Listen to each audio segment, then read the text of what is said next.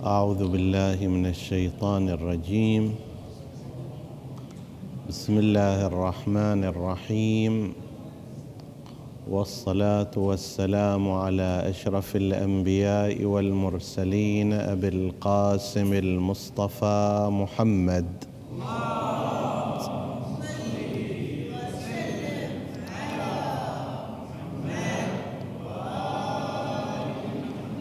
وعلى آل بيته الطيبين الطاهرين المعصومين المكرمين.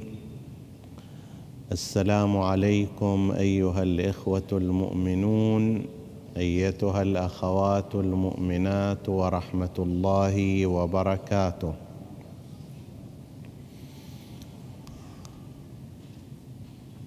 تمر علينا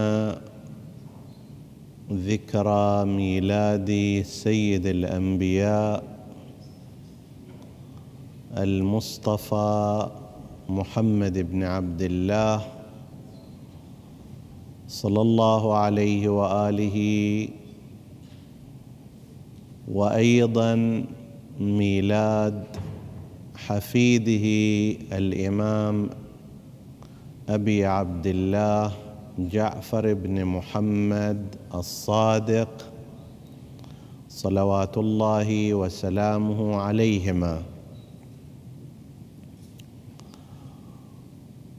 وبهذه المناسبة نتحدث عن جامع مشترك بين النبي العظيم وبين حفيده الإمام الكريم وهي صفة الصادق. النبي المصطفى صلوات الله وسلامه عليه وعلى آله كان معروفا بالصدق قبل بعثته.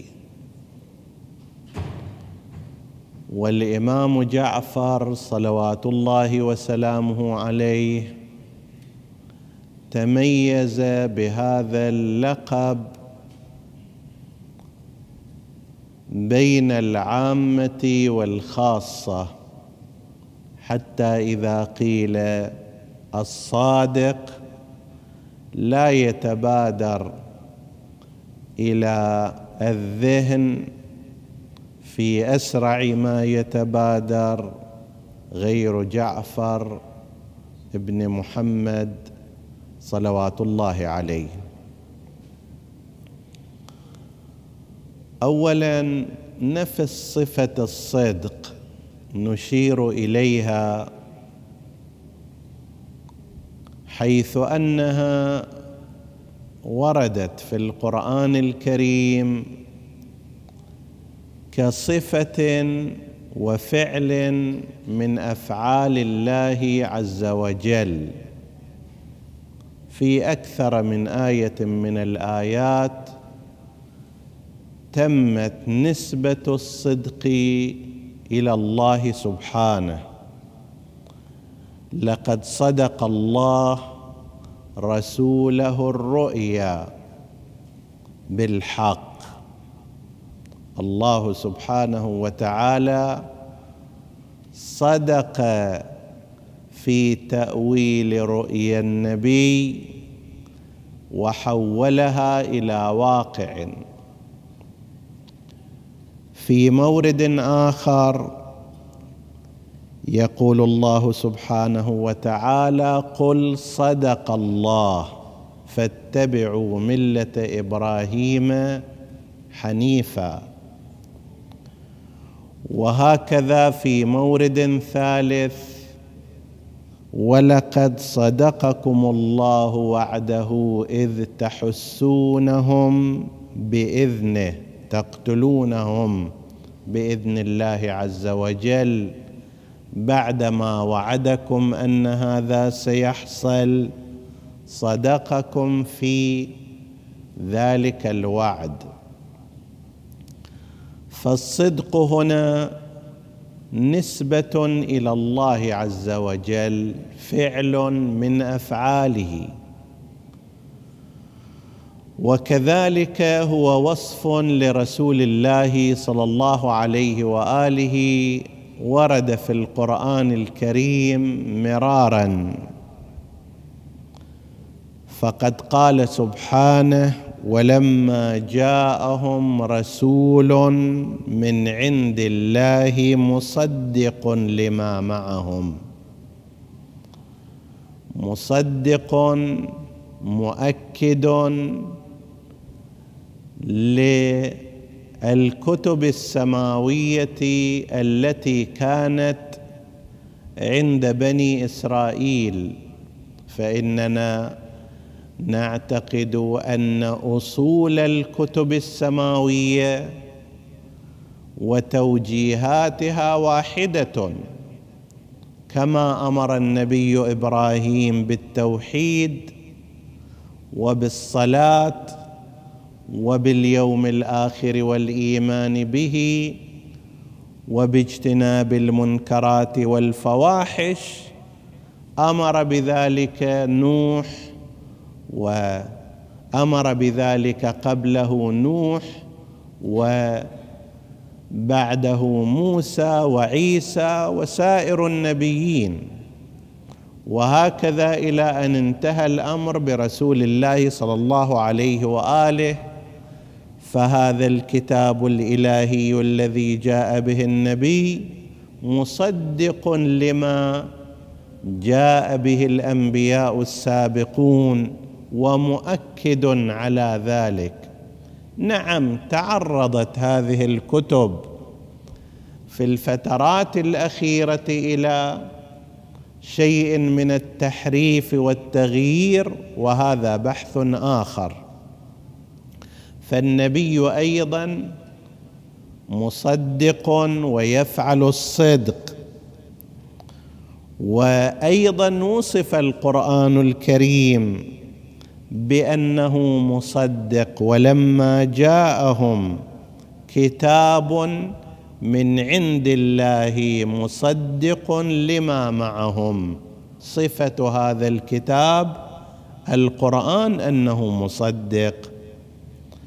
فهذه المفردة مفردة الصدق نجدها في كثير من آيات القرآن الكريم وفي اتجاهات متعددة بعضها يرتبط بالأصول العقائدية كما مر قبل قليل وبعضها الآخر يرتبط بالأفعال والفروع مثل الصدقة. الصدقة هي من الصدق أصلها الصدق فاعلها يقوم بالصدقة. سميت أيضا بذلك لأنها تعبير عن تصديق الإنسان باليوم الآخر وبوعد الله وإلا لولا تصديق الإنسان بوعد الله في يوم القيامة من الجزاء والعطاء ما في واحد يأتي ويخرج من جيبه ألف ريال مثلا أو يبني مسجدا أو يبني ميتما أو مدرسة أو يكفل يتيما. على أمل أنه بعد آلاف السنين سيعطى أجر ذلك. هذا لولا أن الإنسان مصدق بوعد الله لكان يعتبر عملا جنونيا لكن لأنه يصدق بوعد الله وثوابه والجنة لذلك يعطي هذا العطاء وينتظر يوما يستلم جزاءه فيه. فالصدقة سميت صدقة لأنها تصديق من معطي المال المنفق بما وعد الله عباده المنفقين. صداق أيضا صداق المرأة واتوا النساء صدقاتهن نحلة. هذا أيضا بمناسبة أنه تعبير عن صدق الإنسان الرجل في محبته وطلبه للمرأة فإنه يقدم هذا المهر. ليش يعطي مهر؟ لأنه يريدها زوجة. من الذي يقول أنه صادق وليس بعابث وليس بلاه ولا أنه شخص سيتخلى عنها بعد قليل ويتخذها ملعبا. تصديق لذلك هو أن يعطي مهرا في سبيل ذلك.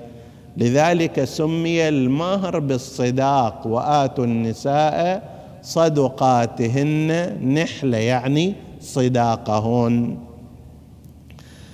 فالصدق سواء كان في الجانب العقائدي أو في الجانب الفروعي والعملي ورد في آيات القرآن الكريم على أنه صفة من الصفات العالية اللي عبر عنها بعض اللغويين بأنها أصل يدل على قوة واستحكام. إيمانك مستحكم قوي يقال هذا إيمان صادق. وعدك وعد ثابت وراكز وراسخ يقال وعد صادق. قولك قول حقيقي ثابت واقعي يقال قول صادق ومخالف ذلك الكذب. القول الكاذب الذي لا واقعية له لا قوة له لا استحكام له فكأنما الصدق معادل للثبات معادل للواقعية معادل للقوة والاستحكام. أوضح مظاهر هذا الصدق عند الناس عادة هو في الأقوال وفي المواقف. أقوال الإنسان تارة تكون مطابقة للواقع فيقال هذا إنسان صادق وأخرى تكون غير مطابقة للواقع ليست فيها قوة الثبات فيقال هذه أقوال كاذبة. وهكذا الحال بالنسبة إلى المواقف قل هذا موقفه موقف صدق. موقف صادق يعني ثابت واقعي. ليس موقفا كلاميا وليس كذبا وليس تزويرا.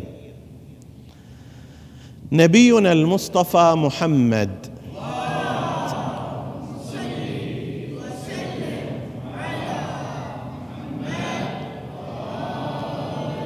قبل أن يبعث بالنبوة كان معروفا عنه أنه الصادق الأمين.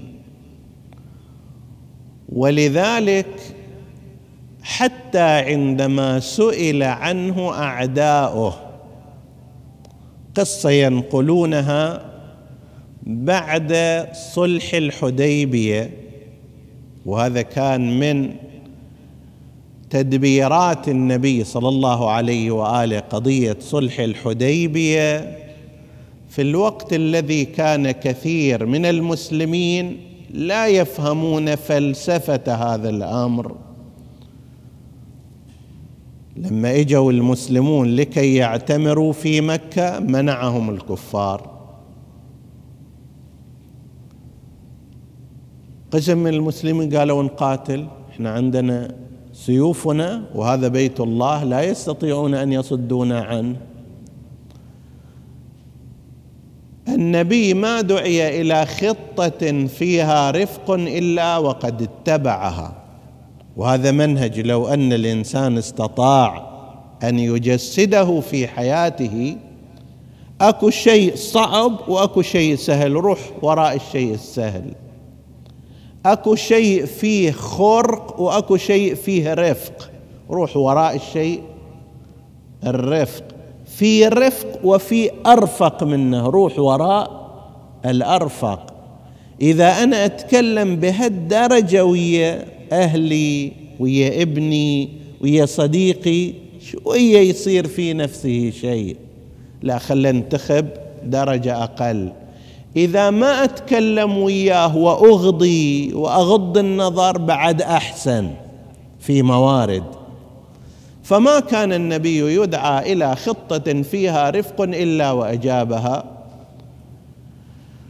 النبي كان قد أخبرهم لتدخلن المسجد الحرام إن شاء الله آمنين محلقين رؤوسكم ومقصرين لا تخافون.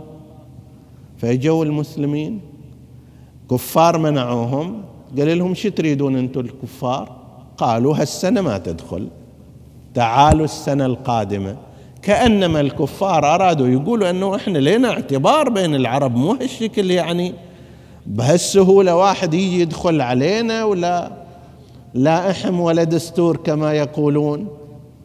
فهالسنة ما نريدكم تدخلون. أي وقت آخر تعالوا. فالنبي قال لهم ما يخالف نعقد اتفاقية كتبت اتفاقية فعلا المسلمين هالسنة يرجعون. السنة القادمة يجون. إذا أحد من المسلمين هرب إلى الكفار ما يسترجعه النبي وإذا أحد من الكفار جاء إلى المسلمين وأراد الرجوع يقدرون يسترجعونه الكفار وجملة أمور ذكر ذكروا بعضها عشرة. الشاهد في ذلك أنه النبي صلى الله عليه وآله استجاب وفعلا رجع مع المسلمين بعض المسلمين قالوا هذا مو زين ليش نعطي الدنيه في ديننا؟ إحنا أقوياء ليش نتنازل؟ طيب لكن النبي كان أكثر نظرا وأبعد رؤية منهم رجع فبدأ يبث دعاته في كل مكان. الآن أمن جانب قريش. بعد ما في حروب من ضمن صلح الحديبية أنه ماكو حروب بيننا وبينكم. خلاص لا تعينوا علينا ولا نعين عليكم ولا تتحالف ضدنا ولا نتحالف ضدكم ولا حد يوقف قدامنا ولا نوقف قدامكم. فبدأ يبث دعاته هنا وهناك وهي صارت فترة اللي أرسل فيها النبي رسله إلى كسرى ملك الفرس وإلى المقوقس ملك مصر الإسكندرية وإلى هرقل ملك الروم اللي كان في ذاك الوقت جاي إلى الشام في مناسبة من المناسبات وهكذا. الشاهد أرسل إلى رسالة النبي إلى بلاد الشام. ذاك الوقت كان قيصر الشام قيصر الروم هرقل موجود في الشام. قالوا لمناسبة جاء إلى حج الأماكن المقدسة. عندهم صادف وصول هذا الرسول النبي إلى ذلك المكان. قيل إن أبا سفيان أيضا كان في الشام في تجارة في ذاك الوقت. ولذلك قسم من الروايات تنقل عن أبي سفيان فسأل قيصر الروم أكو أحد من أعوان هذا النبي اللي ظهر في مكة والمدينة؟ قالوا إي نعم أكو مجموعة من التجار موجودين. فجاب أمر بطلبهم جابهم. أبو سفيان ينقل الحادثة إحنا نستشهد فيها بهالمقدار اللي نحتاجه. يقول جابنا إحنا مجموعة فخلاني أنا قدام وخلى اللي معي ورا تدبير من هذا. حتى لو قلت مثلا كلام غير معقول أو كذا ما نقدر نتغامز. طيب. فسألني أسئلة عنه قال هذا الرجل الذي ظهر عندكم عجوز كيف هو؟ قال لا هو شاب من أبناء الأربعين. قال زين هل كان عنده هو أو آباؤه ملك رئاسة؟ والآن يطالب فيها قال لا. أبوه رجل عادي جد أيضا كان من أعيان مكة بس ما عندهم ملك إلى أن وصل قال هل جربتم عليه كذبا قبل هذا؟ هل كان؟ ولو مرة واحدة سمعت عنه كلمة كذب؟ فيقول أبو سفيان أنا يعني في نفسي قلت إن قلت الآن لا بصير دعاية إلى إذا قلت إي يمكن يكذبوني هذول الجماعة اللي خليهم وراي. طيب. فقلت لا ما جرب اخترت أن أقول الصدق وقلت ما جربنا عليه كذبا قبل هذا. المهم استمر في أسئلته فقال تعليقا على هذا قال ما كان هذا ليترك الكذب على الناس ويأتي بالكذب على الله تعالى. فهو صادق. اذا وهو نبي مبعوث. هذا كلام منه كلام قيصر الروم. هذا اللي ما يكذب على الناس ولم يكذب ولا مر عليهم.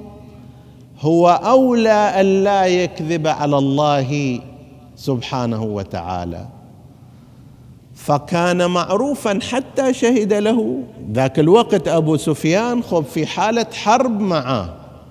ويقول أنا لو أقدر أمرر هالحكاية مررتها بس خفت تصير فضيحة هناك. طيب فكان معروفا بأنه هو الصادق الذي لم يكذب قبل ذلك. هذا مما يذكر في شأنه حتى في مزاحه صلوات الله عليه. عادة الإنسان في التبسط في المزاح أحيانا يعبر الحكاية منا ومناك الحكاية صغيرة يكبرها حتى تصير مليحة زين؟ و أو يفتعل شيئا حتى في مزاحه وكان النبي يمزح لم يكن سيء المعاشرة. فقيل إنه جاءت له أم أيمن. أم أيمن كانت جارية عنده منذ الصغر وقد شهد لها بالجنة وكانت من الحبشة. بس حسب تعبيرنا على نياتها من أهل الله كما يقولون.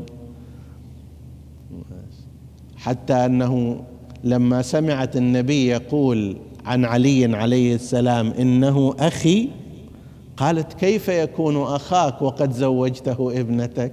شلون واحد؟ أخوه أخوك وتزوجه بنتك.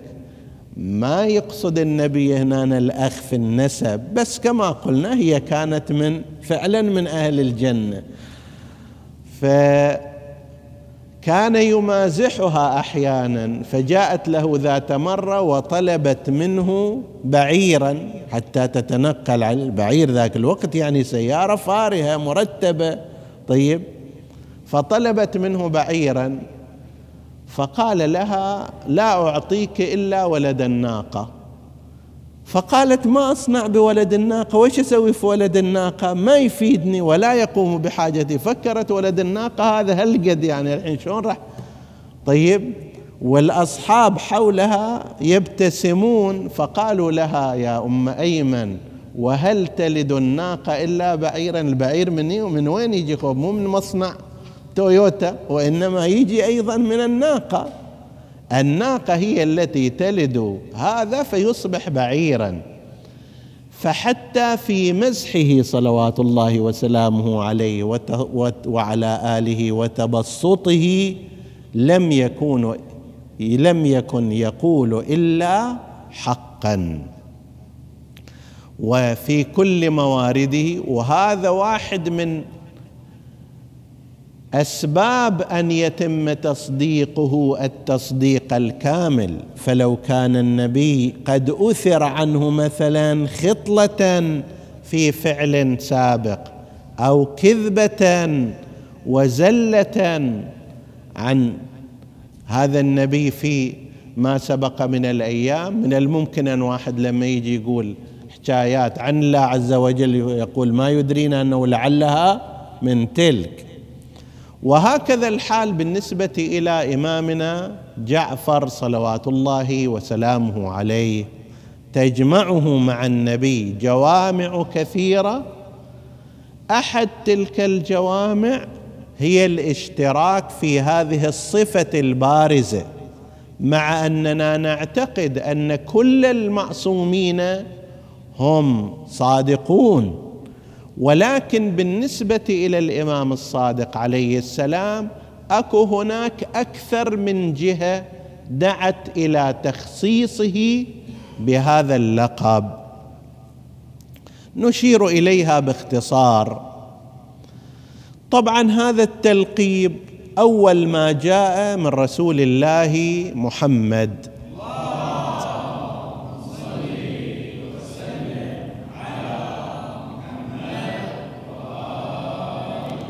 فإنه في الحديث الذي ينقله جابر بن عبد الله الأنصاري كما ورد في المصادر الإمامية عدد عليه الأئمة الاثني عشر حتى إذا وصل إلى الإمام الصادق قال ثم ولده يعني ولد الباقر الصادق جعفر. هالتخصيص هذا مع أنه من قبله كانوا صادقين. ومن بعده أيضا هم صادقون لكن خصصه بالصادق. فأول إطلاق إحنا رأيناه من الإمام من النبي صلى الله عليه وآله. في حديث آخر أيضا عن الإمام زين العابدين عليه السلام أيضا ذكر جعفر بن محمد الصادق. فالسائل يسأله يقول له أليس كلكم صادقين؟ كلكم صادقين؟ فقال بلى الرواية هكذا. قال فإن للخامس تمييزا له عن جعفر ابن الإمام الهادي الذي لقب بالكذاب فإن رواية هكذا عن الإمام زين العابدين فإن للخامس من ولده ولدا اسمه جعفر يدعي الامامه وهو كاذب في ذلك. ثم بدأ الإمام بحسب هذه الرواية يتأسف ويقول كأني به قد حمل طاغية زمانه على تفتيش أمر ولي الله. وهكذا. طبعا في قضية جعفر ابن الإمام الهادي عليه السلام أكو نقاش طويل. الرأي المشهور أنه رجل لم يكن مستقيم الطريقة ويوردون على ذلك شواهد كثيرة في ادعائه للامامه في سلوكه الشخصي في محاولة احتلاله لموقع الإمام المنتظر تعديه على موضوع الصلاة إلى غير ذلك. هذا رأي موجود وهو لعله المشهور. رأي آخر يقول لا هو تاب بعد ذلك صحيح عند هذه الأشياء ولكنه أخطأ أخطأت منه صدرت منه أخطاء صدرت منه ثم تاب عنها وتراجع وفسروا ما ورد من كلام نسب إلى الإمام المهدي عجل الله تعالى فرجه.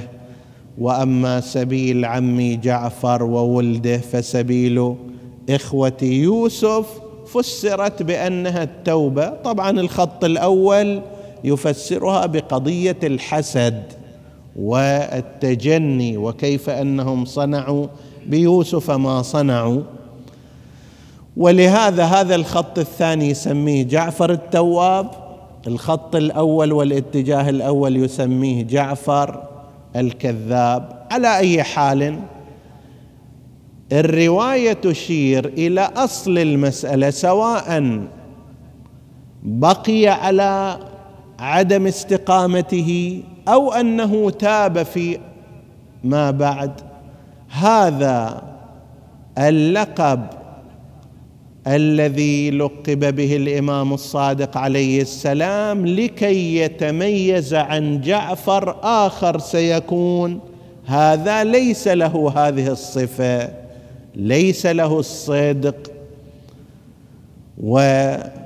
وبناء عليه لقب بهذا اللقب. هناك احتمال آخر أيضا يمكن أن يشار إليه وإن كان لم يرد في رواية من الروايات لكن استقراء الواقع يمكن أن يشير إليه وهو أنه لما انتشر عن الإمام الصادق عليه السلام من علوم أجداده الطاهرين الشيء الكثير.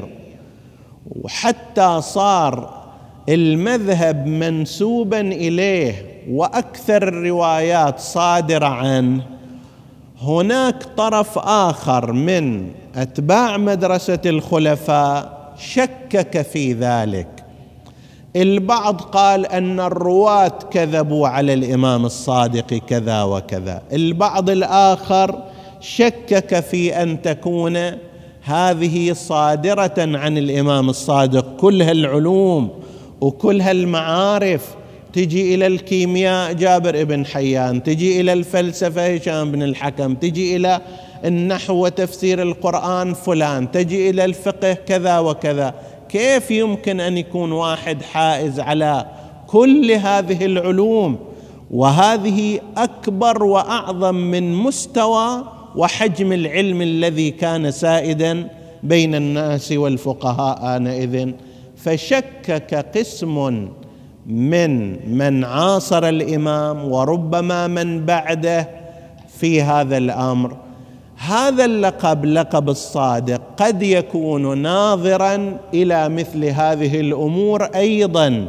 أنه لا ما صدر عن الإمام الصادق عليه السلام هو حق وصدق عن آبائه الكرام وهو مطابق للواقع وحقيق وعلم حقيقي لا ينبغي الشك فيه. فكأنما هذا تزكية متقدمة من رسول الله صلى الله عليه وآله ومن الإمام زين العابدين عليه السلام لكل ما صدر ويصدر عن الإمام الصادق صلوات الله عليه أن أيها الناس لا تشككوا فيما يأتيكم عن الإمام الصادق. هذا هو عين الحق. هذا مطابق للواقع ولا يتخلف عنه الصادقان رسول الله صلى الله عليه وآله وجعفر بن محمد. نسأل الله سبحانه وتعالى أن يكرمنا بشفاعتهما وأن يوفقنا لاتباعهما. إنه على كل شيء قدير. وصلى الله على سيدنا محمد وآله الطاهرين.